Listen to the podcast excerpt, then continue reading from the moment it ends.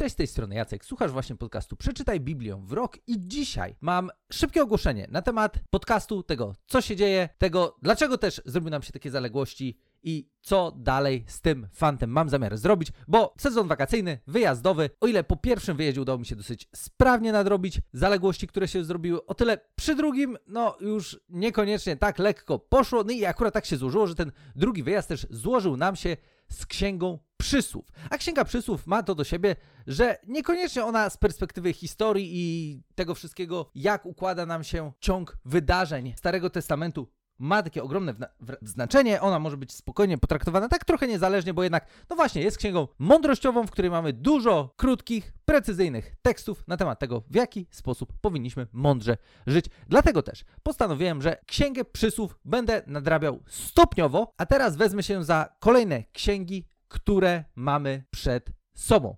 W związku z tym, jeżeli słuchasz tego ogłoszenia, to nie martw się, księga przysłów będzie uzupełniona. Niemniej jednak na tę chwilę chciałbym skupić się na kolejnych księgach, na tym, żeby opowiedzieć trochę więcej o nich, a księga przysłów będzie się nam stopniowo pojawiała, będą się pojawiały kolejne odcinki, bo co by nie było, jest to księga, która zdecydowanie nawet nadaje się do tego, że można po prostu ją sobie otworzyć, znaleźć tam jakieś teksty, które nas interesują i zgłębić na przykład jakiś jeden konkretny temat, który w niej się powtarza. Więc raz jeszcze podcast jest kontynuowany, niemniej jednak potrzebuję teraz trochę czasu, żeby nadrobić, ale będę nadrabiał tylko księgę przysłów, a kolejne księgi będę starał się już robić na bieżąco i właśnie tak co jakiś czas, pewnie co dzień, co dwa, będę dorzucał po jednym odcinku dodatkowo do księgi przysłów po to, żeby nam się ten brak uzupełnił, żeby ta luka została wypełniona, a Tymczasem, jeżeli słuchasz tego podcastu, jeżeli on Ciebie interesuje, jeżeli jest to dla Ciebie jakkolwiek cenne i ważne i pomaga Ci lepiej czytać Biblię, lepiej ją rozumieć,